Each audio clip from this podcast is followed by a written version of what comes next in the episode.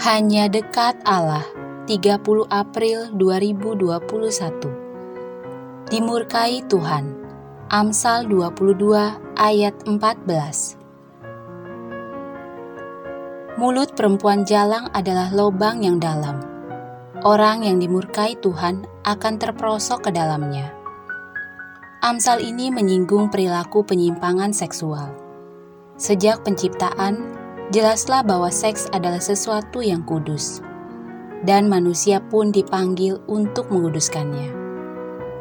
Persetubuhan hanya boleh dipraktikkan dalam hubungan suami dan istri. Hubungan seks di luar perkawinan hanya akan merusak relasi antar manusia.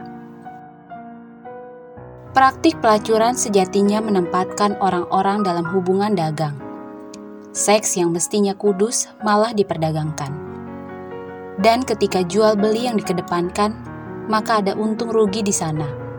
Dan itulah yang menghancurkan relasi manusia. Berkait perdagangan seks, kalau dipikir-pikir, sebenarnya tidak ada yang untung.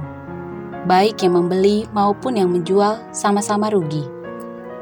Jika mau jujur, keduanya pasti merasa bersalah. Namun, ketika sudah menjadi kebiasaan, rasa bersalah itu pun akan hilang dengan sendirinya. Dan yang tinggal hanyalah rasionalisasi. Nah, Amsal ini mengingatkan umat Israel untuk tidak coba-coba. Sebab sekali mencoba akan menimbulkan ketagihan. Ketagihan akan membuat mereka semakin melupakan Allah dan menganggapnya sebagai kebenaran. Dan pada titik itu, kemungkinan Allah akan membiarkannya. Penulis Amsal ini menggunakan istilah dimurkai Tuhan. Pertanyaannya, mungkinkah Allah yang Maha Kasih itu murka?